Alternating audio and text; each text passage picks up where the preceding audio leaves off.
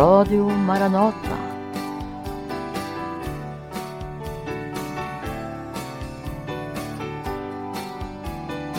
Och vi ska ta del av undervisning av Märta Bergströmmare. Hon har ämnet Bruden i Höga Visan.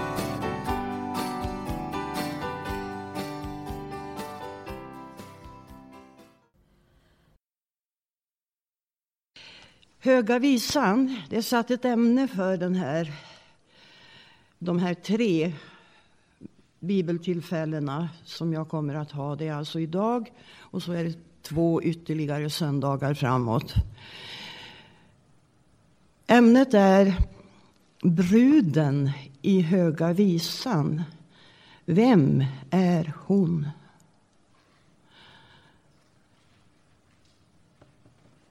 Det börjar liksom eh, leva inom mig ett behov av att ta den frågan på allvar. Dels för att det ger oss så oändligt mycket mer när vi förstår vilka vi är i Kristus. Vilka vi är utifrån hans gudomliga plan av evighet. Men också kände jag att jag vill tala om detta för att eh, ni är väl allesammans medvetna om den här Knutby-historien. Det har ju varit rättegång nu och eh, kvinnan som där kallas för Kristi brud eh, är anklagad för svåra förseelser och eh, så vidare. Det som är tragiskt i det sammanhanget det är den villfarelse som slog rot hos inte bara henne utan också de människor som fanns runt omkring henne. Och jag tror att det är berättigat att ställa frågan Vem är Kristi brud? Är det en enskild människa? Och jag säger nej, det är det inte. Kristi brud, det är Guds församling. Och det gör att vi allesammans är inberäknade i detta stora, märkvärdiga.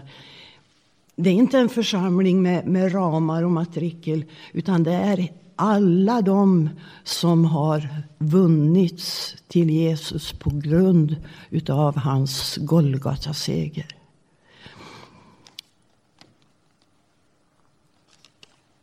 Jag vill börja med att läsa för att det inte ska råda någon tvivel om att det är sant det jag säger. Så vill jag börja med att läsa ifrån Apostlagärningarnas femtonde kapitel. Där befinner vi oss i Jerusalem vid det som brukar kallas för brödramötet.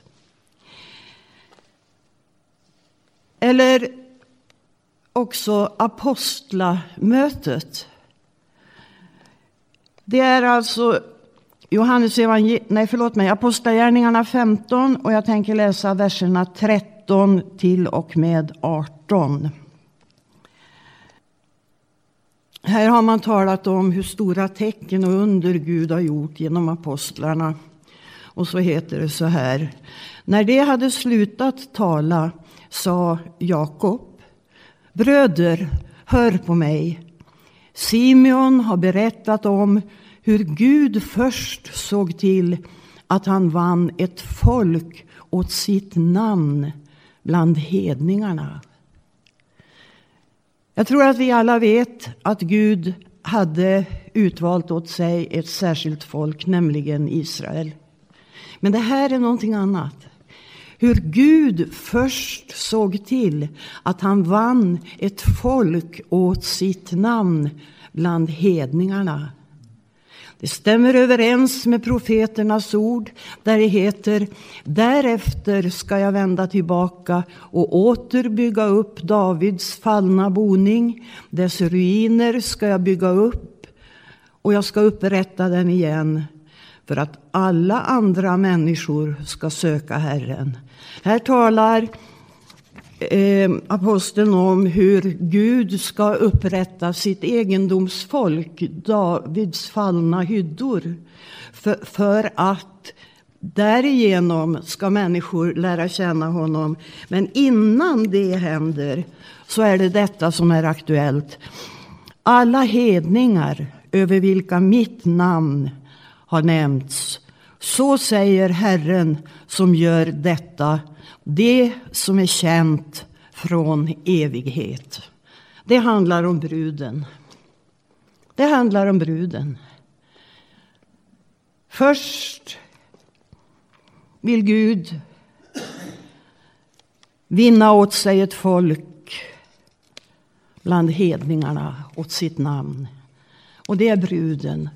Och om det är så att ni undrar över tidens tecken och profetian om hur det ska gå med Israel så vill jag redan från början säga Gud har en ordning.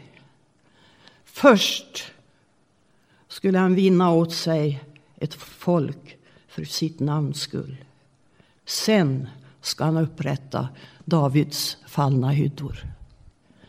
Det råder stor förvirring också på det här området. Och jag har haft förmånen att lyssna till många förkunnare, många bibellärare, läsa mycket.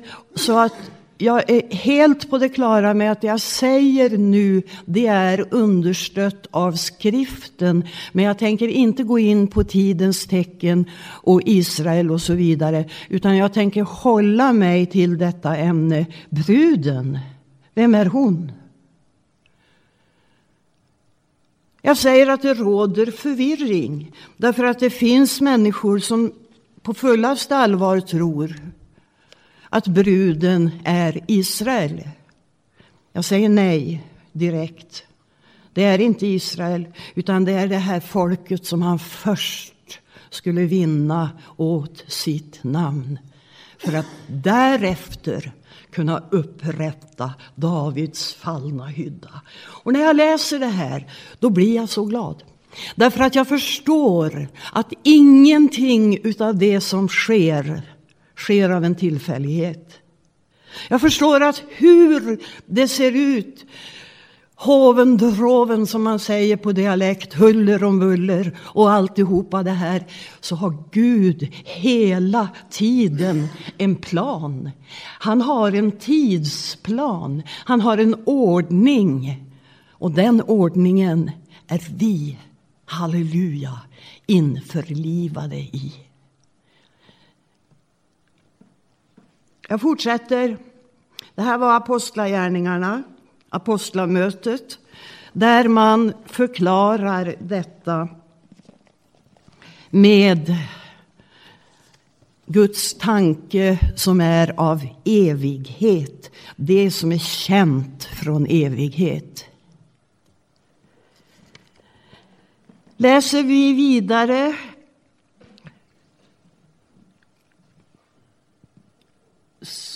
så vill jag slå upp Efesierbrevet.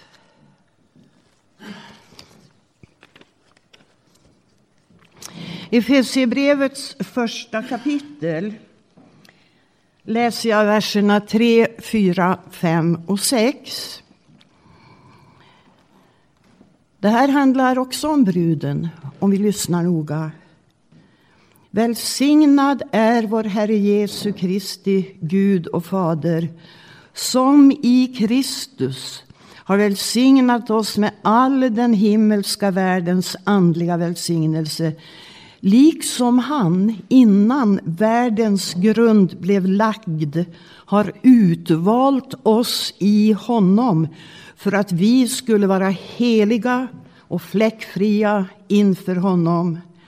I sin kärlek har han förutbestämt att vi skulle tas upp som hans barn enligt sin vilja och sitt beslut. Och då, när vi läser detta om utväljelsen, då dyker naturligtvis frågan upp, ja men hur, på vilket sätt väljer Gud? Vem är utvald? Vem får vara med? Och vem är inte utvald? Detta med att vara utvald, det är ett väldigt svårt område i människans liv. Därför att det är många som blir bortvalda. Vi hörde när jag talade här om den här bönen han som sa sjung sången Vi som blev över. Och alltid när det handlar om utväljelse så kan jag fortfarande få en väldigt obehaglig känsla ifrån min skoltid. Där valde man eh, lag när man skulle spela. Vi spelade ishockey, vi spelade fotboll. Och någon fick välja någon till sitt lag och en annan valde till sitt lag. Och eh, jag var väl alltid den som kanske blev sist eller möjligen blev över så att jag fick gå in där det passade.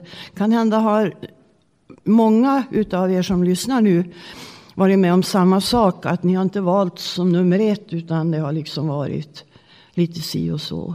Och därför så har människorna vi har med oss den här känslan utvald. Ja, men vilka gäller det då?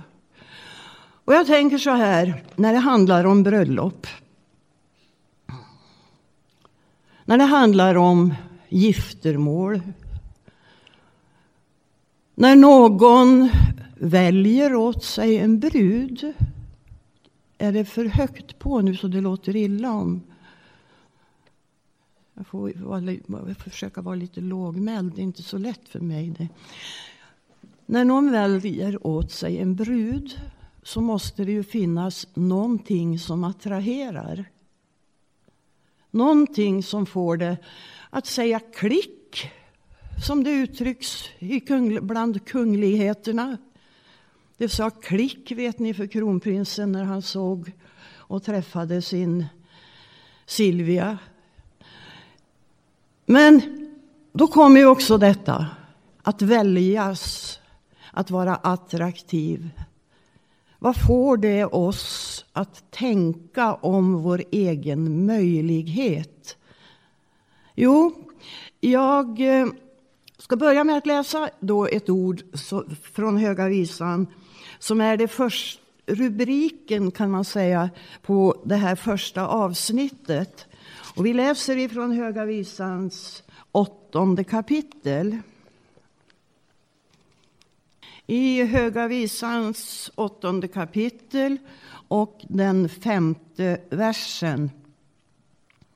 Där möter vi den här frågan som jag har satt som rubrik för de här bibelstudierna. Vem är hon? kommer att se det ur tre olika perspektiv. Den dyker upp på flera ställen i Höga visan, den här frågan. Vem är hon? Och här i den femte versen så frågas det Vem är hon som kommer hit upp från öknen stödd på sin vän? Och det är detta med stöd på sin vän som jag ska stanna inför lite grann. Därför att vad är det som ger oss ingång i detta rike av utvalda? Ja, det är den här vännen.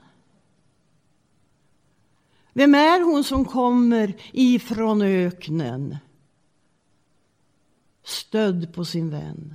Och för att illustrera det så vill jag läsa ifrån Hesekiels sextonde kapitel. Därför att här snuddar vi vid någonting som är det allra viktigaste i vårt budskap, i vårt evangelium och i vårt liv. Och vi måste ha med det när det gäller bruden, annars hamnar vi alldeles vilse. Vem är hon som kommer upp ifrån öknen och som inte kan gå på sina egna ben utan som är stödd på sin vän. Vi läser ifrån Hesekiels bok. Och jag kan börja på den tredje versen. Hesekiel 16, vers 3. Så säger Herren, Herren till Jerusalem. Från Kanans land kommer du och där är du född. Din far var en amoré och din mor en hetitisk kvinna. Och lyssna nu. När du föddes skar ingen av din navelsträng. Du blev inte tvättad ren med vatten och inte heller ingniden med salt och lindad. Ingen såg på dig med så mycket medlidande att han ville göra något sådant med dig eller förbarma sig över dig utan man kastade ut dig på öppna fältet. Så frånstötande var du den dag du föddes. Ja, jag sa att det måste finnas något attraktivt om man ska få bli en brud. Men här är det någon som är frånstötande. Ingen ville ha med henne att göra. Vi måste förstå det här bildspråket, kunna föra över det så att vi förstår att det är egentligen oss det handlar om, vår utgångspunkt. Men så heter det så här. När jag gick förbi dig där du låg och såg dig sprattla i ditt blod sa jag till dig där du låg i ditt blod, du ska få leva. Ja, jag sa till dig där du låg i ditt blod, du ska få leva.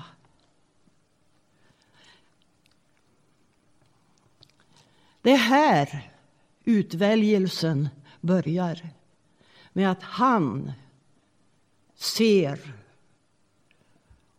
och säger du ska få leva. Inga egna meriter, ingen skönhet, inga goda gärningar. Ingen släkt som borgar för att du ska få bli den här bruden. Inga välförtjänta poäng någonstans. Du ligger där. Ingen bryr sig om dig, du människa, överhuvudtaget. Du är utkastad. Du har inget värde. Man vill inte ens skära av din navelsträng. Det finns ingen framtid, ingen möjlighet till liv. Men då, då kommer han som går förbi. Och han säger, jag såg dig. Är någon mer än jag som säger, känner halleluja inombords? Jag såg dig, säger han. Jag såg dig där du låg i ditt blod. Jag såg dig. Och kan du förstå? I den synen, i det mötet med denne någon så uppstår det här klicket. Ingen attraktion, men en kärlek. Den här världen är full av förbannelsens attraktioner. Ursäkta att jag säger så, för det har fört människor så vilse. Här är det inte frågan om attraktion, här är det frågan om kärlek. Och han sa, du ska få leva. Det här, mina vänner, det är utväljelsen. Det här är utväljelsen. Han gick förbi och såg mänskligheten utkastad, värdelös. Och så har Satan predikat för enskilda individer under årtusendenas gång. Du människa, du är ingenting värd. Och vår tid lever upp till det här som Jesus talar om i ändetiden, då kärleken ska bli kall. Och ser vi någonting omkring oss som styrker det så är det ganska uppenbart. Vi lever i den tiden då kärleken blir kall. Kärleken hos de flesta, säger Jesus. Han säger inte att världens kärlek, erotiken, ska kallna.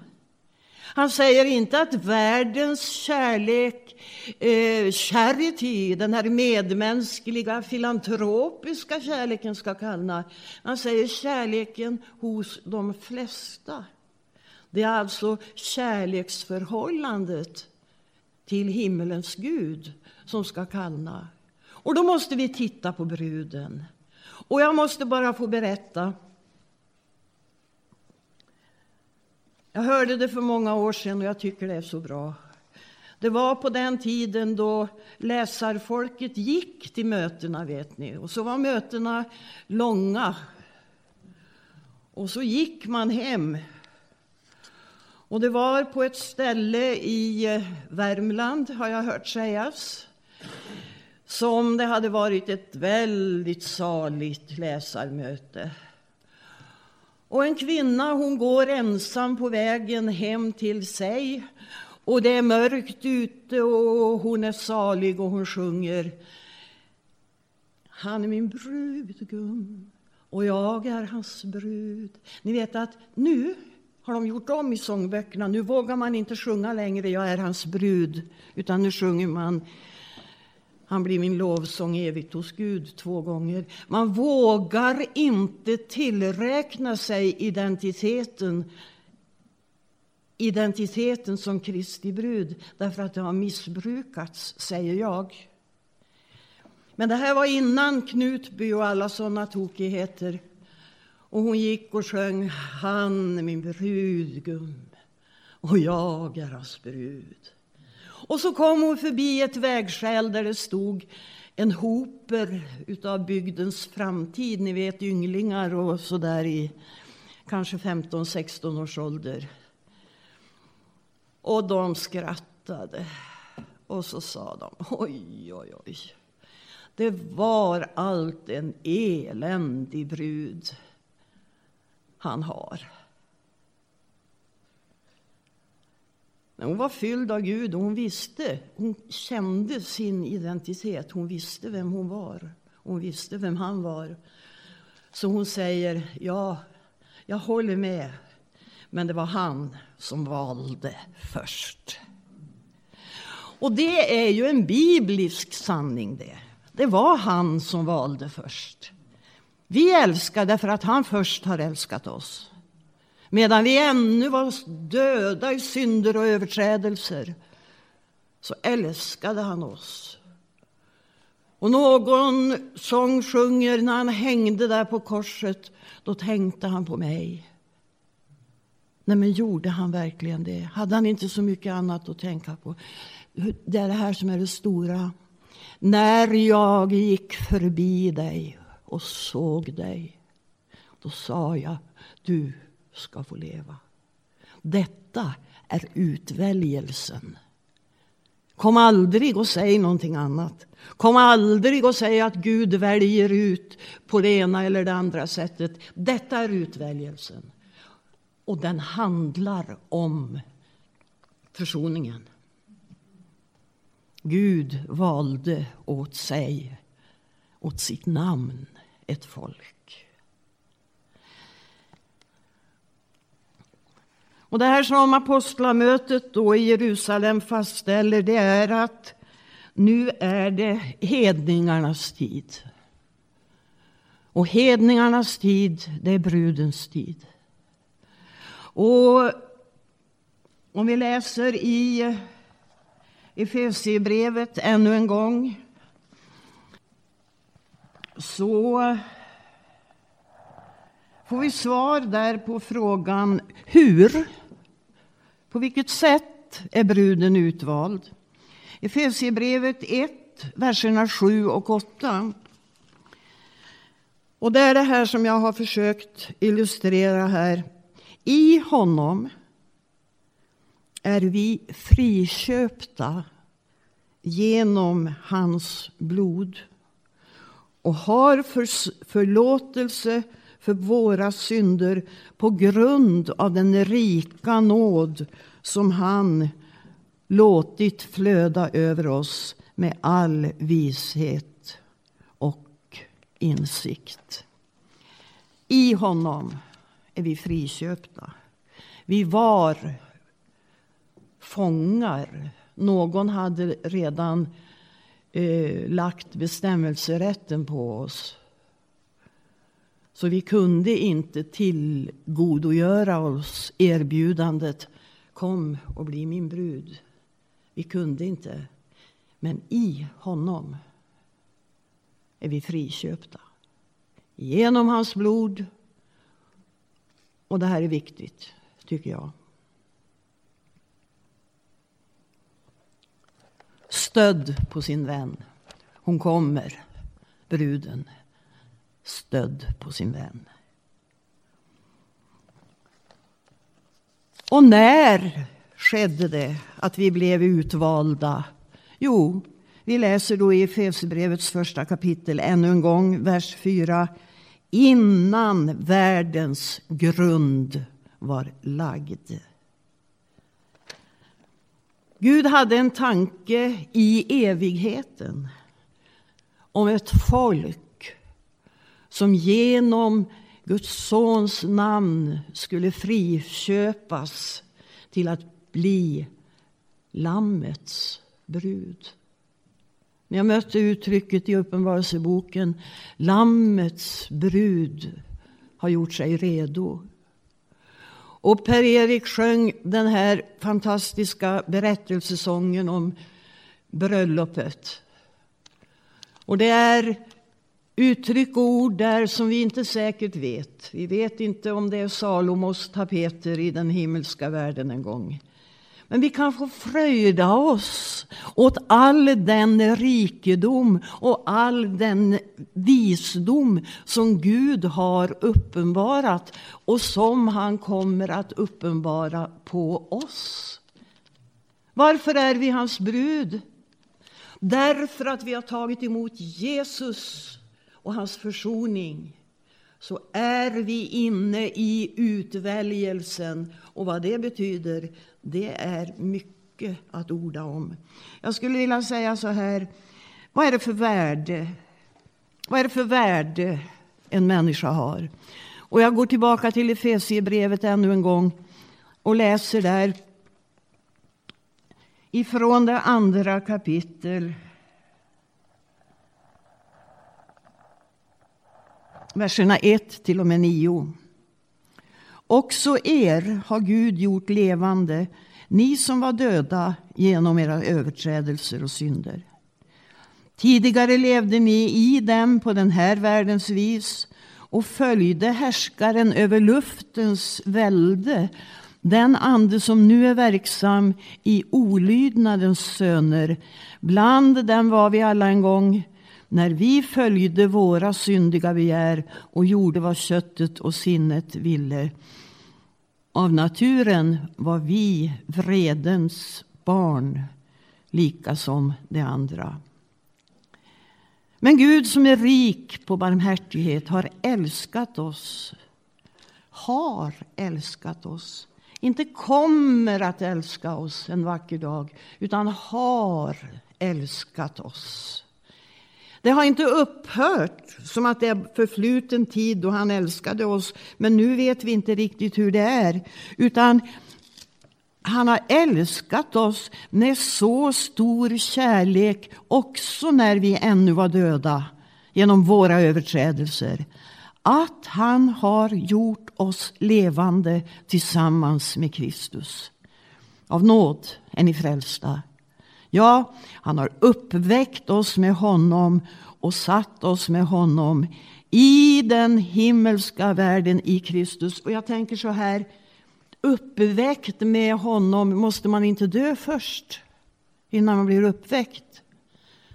Och då skulle jag vilja säga så här, låt oss förstå försoningens underbara hemlighet. Det är inte bara fråga om att försona våra synder. Det är också fråga om att när han går ut ur graven i triumf, då går vi med honom i detta uppståndelseliv, om vi tar emot honom.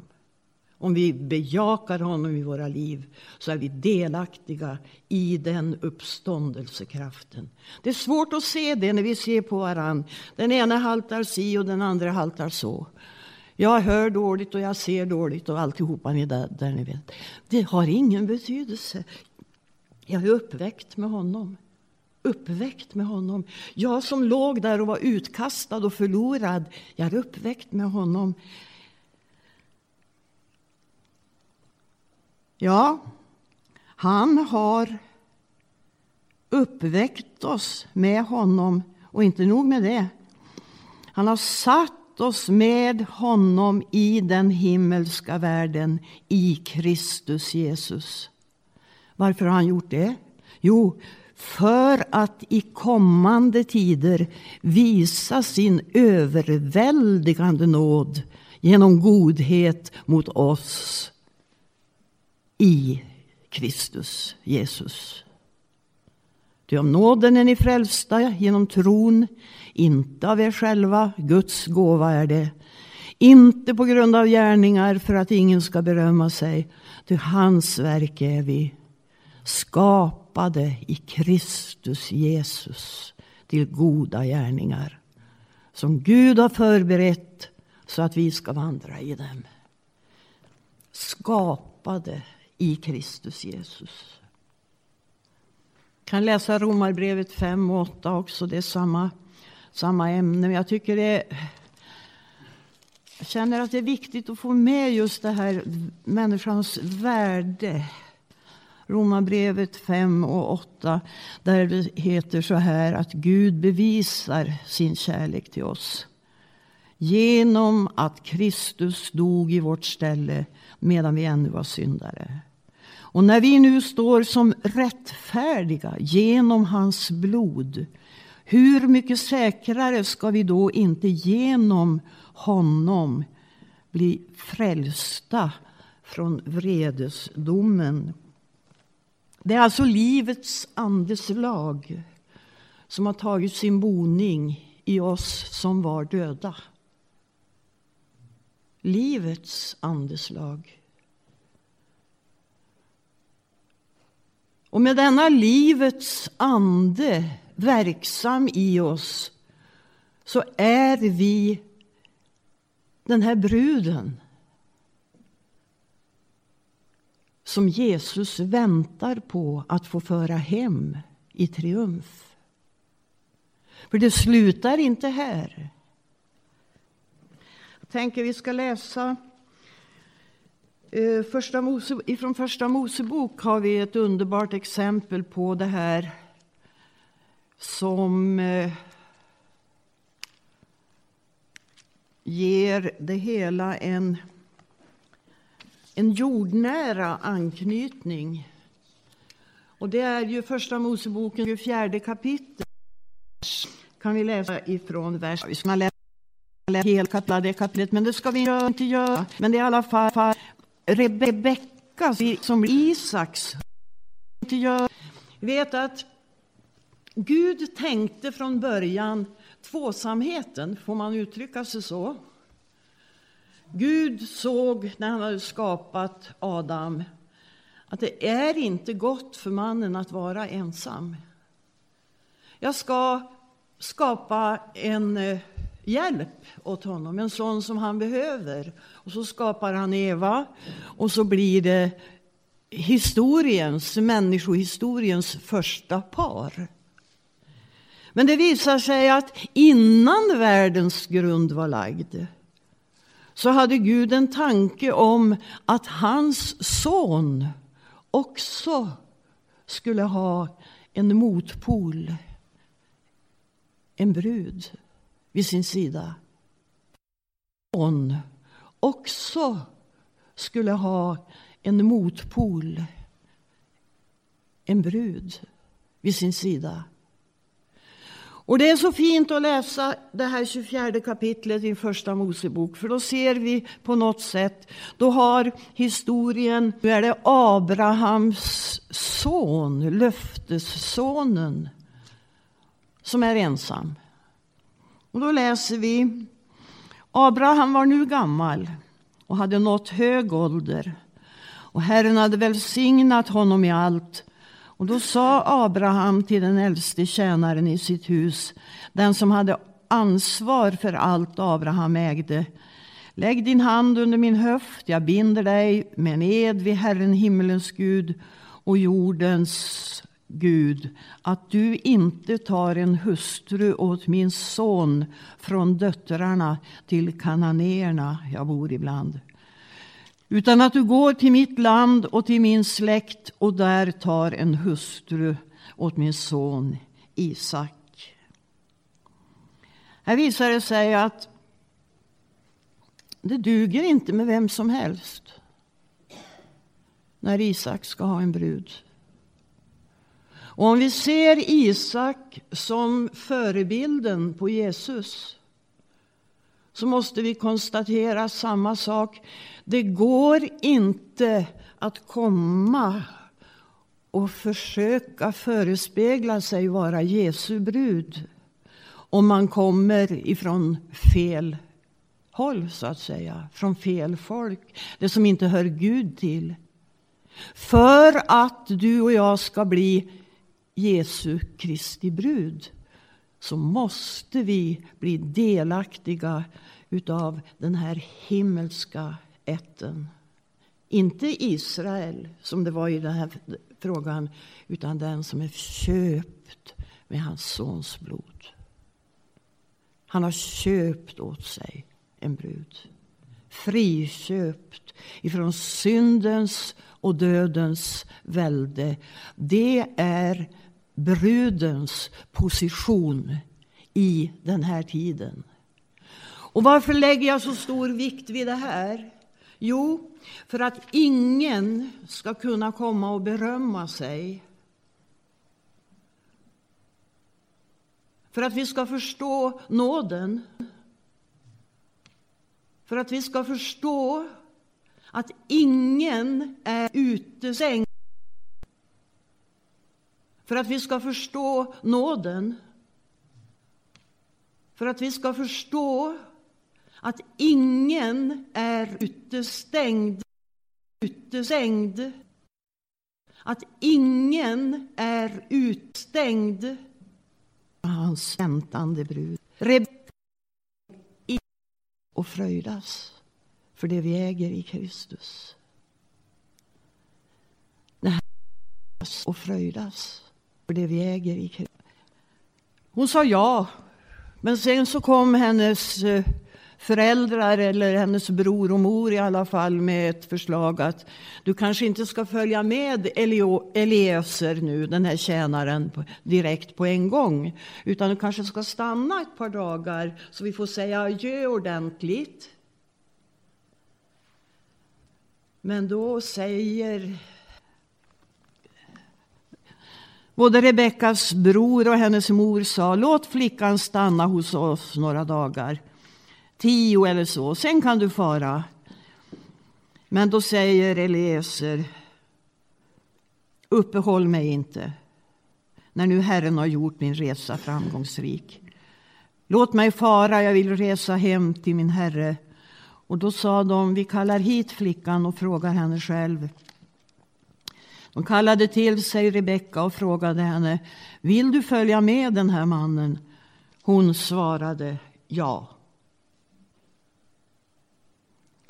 Vi kan tänka oss att Eliezer är bilden på den helige Ande. Den helige Ande är utsänd i världen för att samla ihop en brud åt den himmelske Isak, Jesus. Och den helige Ande söker och finner. Och så kommer den här fagra jungfrun och säger ja, hon vill. Ja, visst. Men så kommer rösterna från sidan om som säger kanske ska vänta lite. Det är okej okay att du säger ja till, till eh, Eliezer nu och följer med till Isak. Men vi ska, inte, vi ska inte, inte ta ifrån dig den upplevelse du har att du ser och hör kallelsen. Men du kan vänta lite. Ta det lite lugnt. Men eh, Eliezer han säger nej. Nu är det tid. Nu är dagen. Och så frågar man då Rebecka som har fått den här kallelsen. Och hon säger ja. Det är ett aktivt val ifrån hennes sida. Och det vill jag också ha med. När jag har försökt att få med detta nu med försoningen som gör att du är utvald i Kristus så måste du också förstå att det är frågan om en personlig kallelse kollektivanslutning till Guds rike eller till brudeskaran, det finns inte. Vi lever i en villfarelsens kultur där vi har under århundraden lockat människor till att tro att om man har lite vatten på spädbarnens huvud så tillhör de Gud.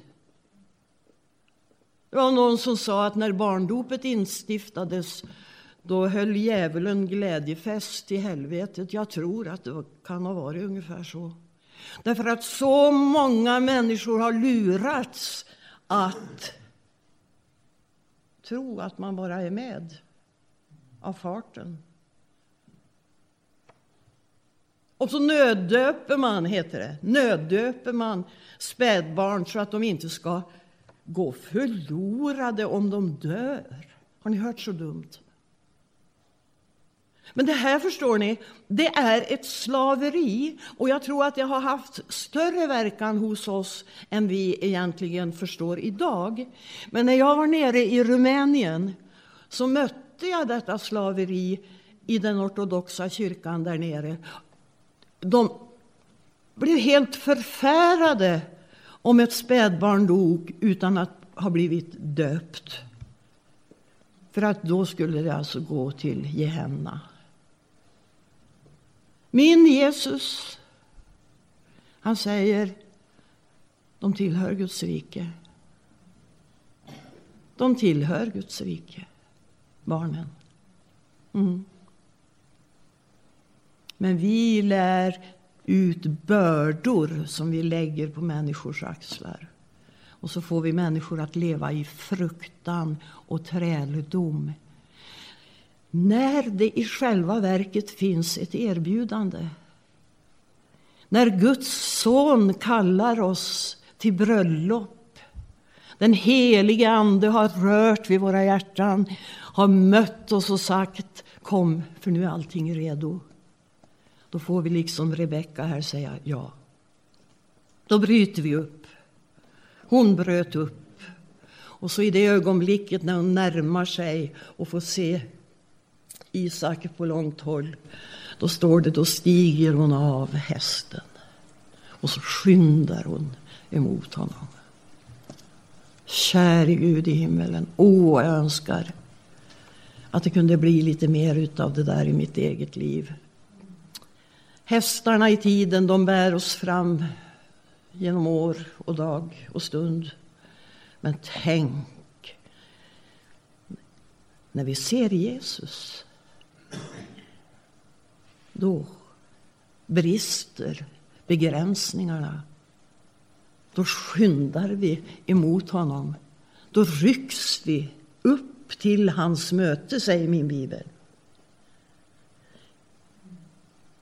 Men eh, vi kanske skulle kunna få lite extra skjuts redan nu. Lite grann av den här dragningskraften. För visst, vi, vi ser ju honom med våra andliga ögon.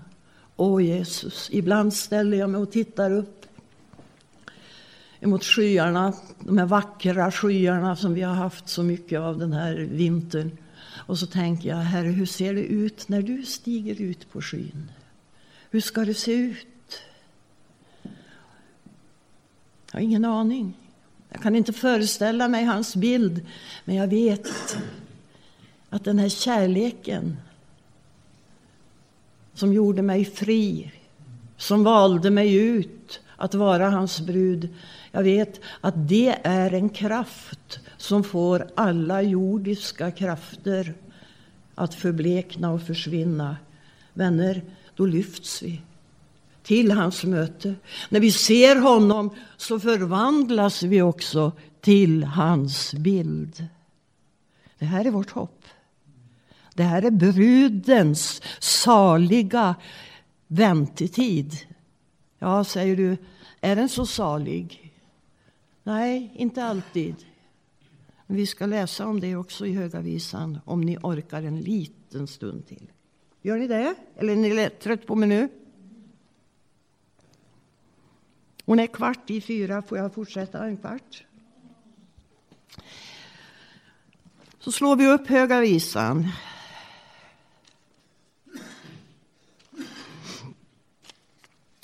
Jag ska säga det att Höga Visan är ett av eh, historiens allra mest berömda litterära verk. När eh, man i grundskolan idag får läsa eh, litteratur, litteraturorientering så får man med sig Höga Visan. En grundskola som idag förnekar Bibelns giltighet har inte lyckats tvätta bort Höga Visan ur människornas litterära medvetande. Man menar att det är den vackraste visan om kärleken. Och det är det. Men det den profana litteraturen inte har förstått det är också att här är hela berättelsen om just detta speciella som heter Jesu brud, Kristi brud. Det är vackert skrivet, det är underbar poesi men det är framför allt så är det en lärdom för oss om vi vill ta till oss det. Jag läser lite grann ifrån Höga Visan. Eh, hon säger så här, bruden. Väl är jag svart medan solen har bränt mig. Men se inte därpå, säger hon. Och hon berättar att hon blev satt till att vakta sina bröders vingårdar. Min egen vingård, säger hon, den kunde jag inte vakta. Och jag tänker så här, människa, du är satt till att tjäna någon i detta livet. Vem är det du tjänar? Ditt eget liv kan du inte ta ansvar för. Och så förs du till ett slags slaveri där dina bröder sätter dig till att vakta deras vingårdar. Du blir en kugge i maskineriet, inte sant? Du blir en hand i samhället som räcks ut till saker du egentligen inte skulle vilja göra om du fick välja vad du skulle göra för din egen räkning. Men så är din egen vingård, den kan du inte vakta. Därför att samhället ställer sina krav. Och så blir det att du är satt att vakta dina bröders vingårdar. Och där finns det inget skydd emot den brännande solen så du bär märken utav det liv du har levt. Men när bruden kommer med denna sin solbrända hud så säger hon, se inte på att jag är så svart. Se inte på att solen har bränt mig så. Min moders söner var mycket upprörda över mig. Ja, du vet, den här inbildningen att människokärleken är det största Man säger det idag, vi är ju goda människor, vi vill alla väl och vi gör alla väl. Det är inte sant. Vi människor, vi är onda. Innan vi har försonats med himmelens Gud genom Jesu Kristi försoning så är vi onda. Min moders söner var mycket upprörda över mig och satte mig att vakta vingårdarna. Min egen vingård vaktade jag inte. Säg mig, du som min själ har kär. Var för du din jord i bet? Var låter du den vila om middagen? Här kommer alltså hjärtats rop till brudgummen om vila och mättnad. Känner hemlösheten, vi känner främlingskapet. Vi känner att vi är tärda utav den här tiden på ett eller annat sätt. Märkta, brännmärkta av tiden. Men säg mig du som min själ har kär. Det är hjärtats innerligaste bön i samtal med livets Gud. Säg mig, var för du din jord i bet? Längtar efter mättnad. Och så står det så här, så svarar det så här. Om du inte vet det, du skönaste bland kvinnor, gå då i jordens spår och för dina killingar i bet vid herdarnas tält. Det finns en jord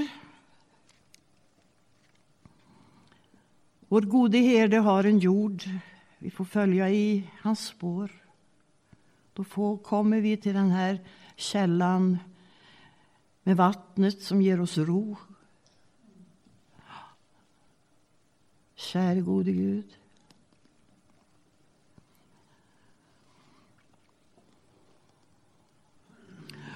Och brudgummen som då har hört sin brud, brud säga att hon är bränd av solens hetta. Han säger så här. Vad du är skön, min älskade. Vad du är skön. Ja, som en lilja bland törnen så är min älskade bland flickor. Och så finns den här man brukar säga att skönheten sitter i betraktarens ögon. Den man älskar, den tycker man är vacker. Man ser det vackra i det här lilla fula skrynkliga barnet när det just har kommit ur mors liv. Ser ut som en gammal gubbe eller en mån. en mån. Ja, jag tror vi har varit kunnat se de här begeistrade nyblivna föräldrarna som säger men oh, titta så vacker han är. Och, och, vi kan ju inte se det riktigt, men vi har inte kärlekens ögon till just det barnet. Men när kråkmor ser sitt eget barn då säger hon åh, så vacker det är. Därför att det är kärlekens ögon. Och den här som kommer där, hennes vän, han har kärlekens ögon, så han ser på dig finns ingen fläck. Du är alltigenom skön, min älskade. Är det min vän som lyssnar? Det är dig det gäller. Så ser Gud, så ser Jesus på dig. Ska det få sjunka ner i hjärtat så att vi blir frimodiga och glädjefyllda. Du är alltigenom skön, min älskade, säger han. Varför det då? Varför är det så? Jo, för att han, han gick förbi och han såg och han sa du ska få leva. Och det här livet som han ger oss, det är utan fläck och skrynka. Och så säger då också Paulus, jag har trolovat er med Kristus och ingen annan. För att inför honom kunna föra fram en fläckfri brud.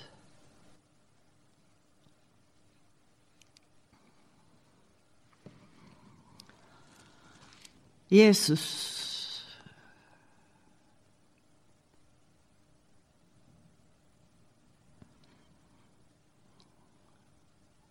Hör min väns röst. Se, där kommer han. Han springer över bergen, han hoppar fram på höjderna. Min älskade är lik en gasell eller en ung hjort. Se, nu står han där bakom vår vägg. Han blickar in genom fönstret. Han ser genom gallret. Det är mycket väggar här i livet. Det är mycket galler. Det är mycket instängdhet. Det är mycket fångenskap. Men så han kommer hoppande över bergen. Därför att han har övervunnit. Och så står han där bakom vår vägg. Och han blickar in genom vårt galler. Det är detta som är så fascinerande. Han ser. Det är seendets Gud. Får aldrig glömma vilken verklighet detta är. Så ser han bruden innanför gallret och så börjar han tala. Han säger till mig, stå upp min älskade, du min sköna och kom. Ty se, Vintern är förliden, regntiden är över, den är förbi. Blommorna visar sig på marken. Sångens tid har kommit. Och turturduvans röst hörs åter i vårt land. Den första fåglaläte i den här eh, delen av världen, det lär vara turturduvan. När isen har smält, när det har börjat spricka ut knoppar i naturen, då vet dessa fåglar att nu är vintern förbi. Och så börjar de sjunga. Sångens tid är här. Låt mig avsluta bara med de orden. Hörni, kära vänner. Vintern är förbi. Döden är övervunnen och besegrad. Och vi är sköna allt igenom, utan fläck genom att vi är friköpta, utvalda utav Jesus Kristus själv. Förrän världens grund var lagd tänkte han detta om oss. Denna stora tanke. Och nu säger jag så här, sångens tid är här. Herre, stäm oss till lovsång, för vi har anledning till det. Ber mera av Jesus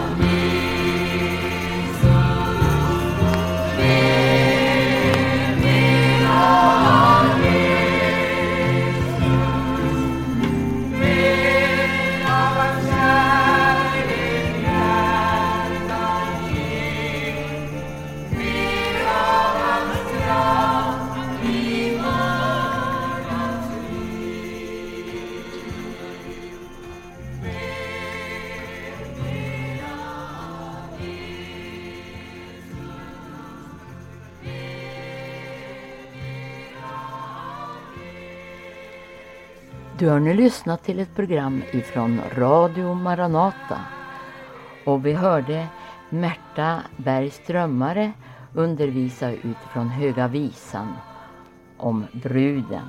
Vem är hon?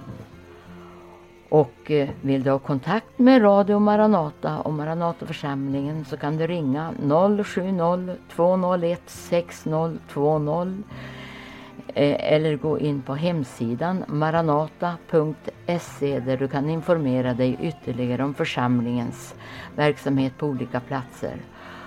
Och Radio Maranata sänder över Stockholm 88 MHz och över Örebro 95,3 MHz varje morgon klockan 8, måndagar och onsdagar även klockan 18.